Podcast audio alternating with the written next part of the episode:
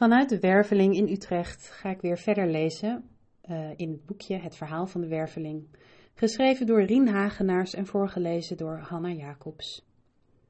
Hoofdstuk 7 In de Werveling.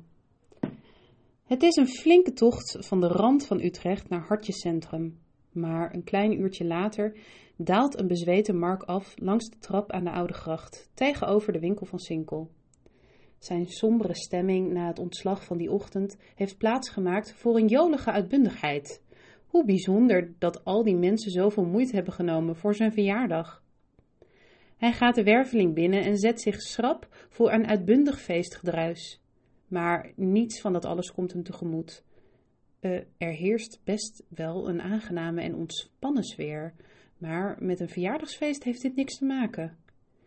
Een jonge verkoopster begroet hem hartelijk bij binnenkomst. Kan ik je ergens mee van dienst zijn? vraagt ze hem. Eh, ik kom hier voor mijn verjaardagsfeest, zegt hij aarzelend. Oh, oké, ja, dan ben jij op de juiste plek. Kijk rustig rond, er staat vast wel iets bij dat je aanspreekt. Maar dit had Mark niet verwacht. Geen confetti, geen drank, geen gezoen en een hele vreemde winkel. Langzaam kijkt hij om zich heen een grote kast vol met wonderbaarlijke attributen. Hij heeft geen idee waarvoor die zijn bedoeld. Magisch zand, wit en zwart, rozenwater. Wat is dit voor een plek?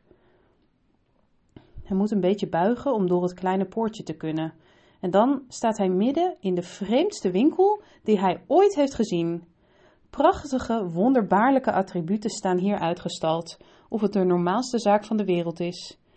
Het gevoel bekruipt hem van Harry Potter, die de toverstokwinkel op de weg is weg binnen is gegaan.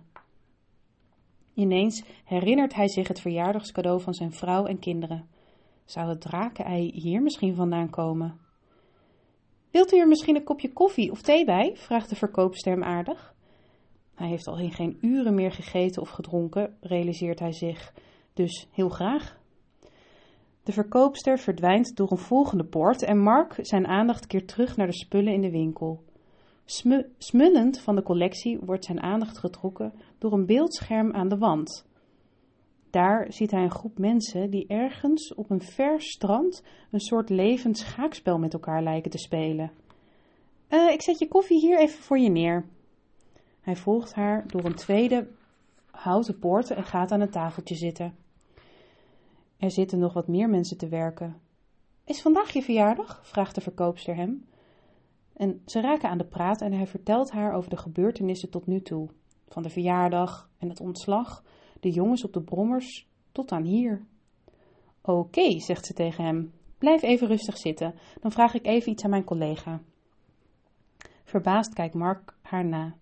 Samen met een tweede, wat oudere blonde vrouw komt ze binnen enkele minuten terug. De vrouw stelt zich aan hem voor.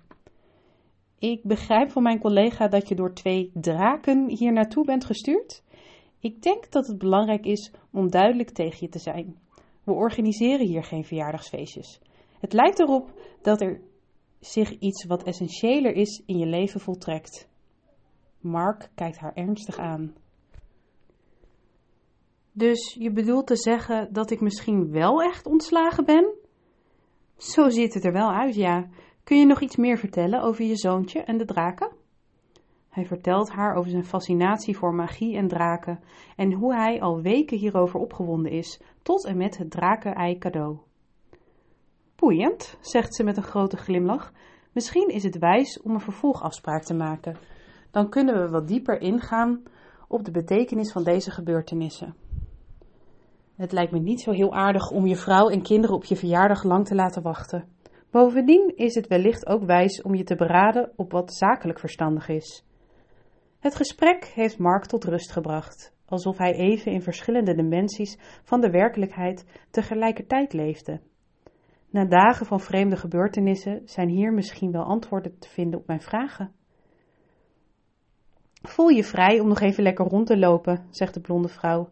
Misschien vind je in onze bibliotheek wel een boek dat je kan inspireren in deze situatie. Hoofdstuk 8.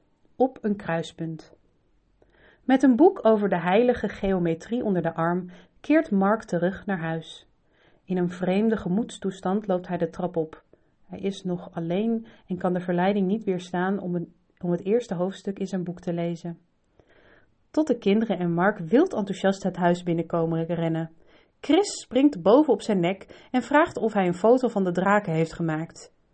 Hoe weet hij dat, denkt Mark bij zichzelf. Je was vandaag wel een beetje ongezellig. Ik heb je meerdere keren geprobeerd te bellen, zegt Marijke. Uh, ik geloof dat ik ontslagen ben vandaag, zegt hij, om, er maar vanaf te, om het er maar vanaf te zijn. Wat? Marijke kijkt hem onthust aan. Op je verjaardag ben je ontslagen? Hoezo? Eh, laten we eerst maar even gaan zitten. Dan wil ik er wel een taartje bij, roept zijn jongste zoon. In een vreemde, onfeestelijke setting met taart en kaarsjes zit het gezin te luisteren naar het bizarre verhaal van Mark. Van het gesprek in de directiekamer, hoe hij de deur uit werd gezet, de ontmoeting met de draken, tot en met het bezoek aan de werveling. Iedereen zit stilletjes te luisteren. Marijke doorbreekt als eerste de stilte. Misschien is het verstandig wanneer je eerst even belt met Herman. Ja, dat is een goed idee. Mark belt zijn vriend Herman, een advocaat, die hij kent via zijn ronde tafelclub. Gelukkig is hij gewoon bereikbaar, waarop Mark nogmaals zijn verhaal doet. En Herman stelt hem wat vragen, waarna hij Mark een beetje gerust stelt. Je hebt een gewone arbeidsovereenkomst. Je lijkt niks gedaan te hebben, waardoor je risico's loopt. In het slechtste geval sturen ze aan op een ontbinding en zul je op zoek moeten naar een nieuwe baan. Ik stel voor dat we maandag even een afspraak maken. Dan kunnen we ook zien waar zij mee komen. Dan keert Mark terug de huiskamer in en doet verslag. Gelukkig, zegt Marijke, dat gaat vast wel goed komen. Maar wat mij meer verontrust zijn de vreemde gebeurtenissen van de afgelopen dagen. Ik heb je nog nooit zoveel vreemde verhalen horen vertellen als in de afgelopen 72 uur. Het drakenei hebben we inderdaad in die winkel gekocht. De werveling zit er nog maar kort en ik werd aangetrokken door hun reclameposters met Wat is jouw magie? Samen met Chris hebben we je cadeau uitgezocht. Dat was heel leuk om te doen. Wat we je nog niet verteld hebben, is dat er bij het drakenei ook nog een website hoort. Op het kaartje dat erbij zit staat een QR-code. Wanneer je die scant, kom je uit op een speciale webpagina. Geen idee wat daar staat, want dat leek ons meer iets voor jou om te bekijken. Dan gaat de deurbel. Opa en oma staan voor de deur, roept, roept de jongste. Laat ze maar snel binnen, zegt Marijke.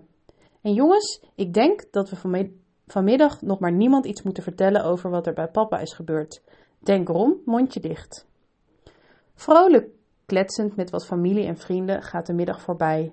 En na de traditionele Chinese afhaalmaaltijd keert de rust terug in het gezin. Waarna Mark het huis opruimt en Marijke de kinderen in bed stopt. Nog enigszins verdoofd van het verjaardaggeweld zitten ze samen op de bank. Weet je wat ik nou het meest vreemde van al die gebeurtenissen van vandaag vind? Is dat Chris me vroeg of ik, met, of ik een foto van die twee jongens op een scooter heb gemaakt. Hoe kan hij dat nou weten? Weet je wat ik nog vreemder vind van vandaag? zegt Marijke. Dat jij na alles wat je hebt meegemaakt doet alsof het de gewoonste zaak van de wereld is.